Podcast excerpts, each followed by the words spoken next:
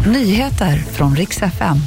Det ska handla om en moderat toppolitiker som avgår efter sexistiska och rasistiska skämt. Och Kronofogden som har slagit till mot Gunilla Persson under helgen. Vi ska inte underskatta det ryska militära hotet. Det här sa MUST, militärens underrättelsetjänst, som har ett pressträff idag. De slår fast att invasionen av Ukraina har präglats av ett högt risktagande och total hänsynslöshet och att Ryssland de är en svårförutsägbar motståndare. Och riskerna för svensk säkerhet bedömer de också har ökat. En moderat toppolitiker delade sexistiska och rasistiska skämt. Nu avgår ordförande för Västra Götalands Moderaterna. Helt vanlig buskus, buskishumor kallar han det själv, men avgår ändå för att inte splittra partiet och ta fokus från partiet i EU-valrörelsen. Och så ska det om Kronofogden som har slagit till mot Gunilla Persson och beslagtagit saker till ett värde runt 100 000 kronor.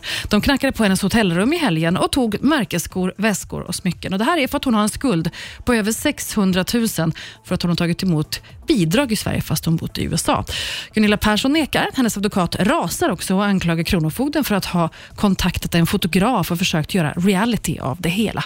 Och Det var nyheterna. Jag heter Maria Granström.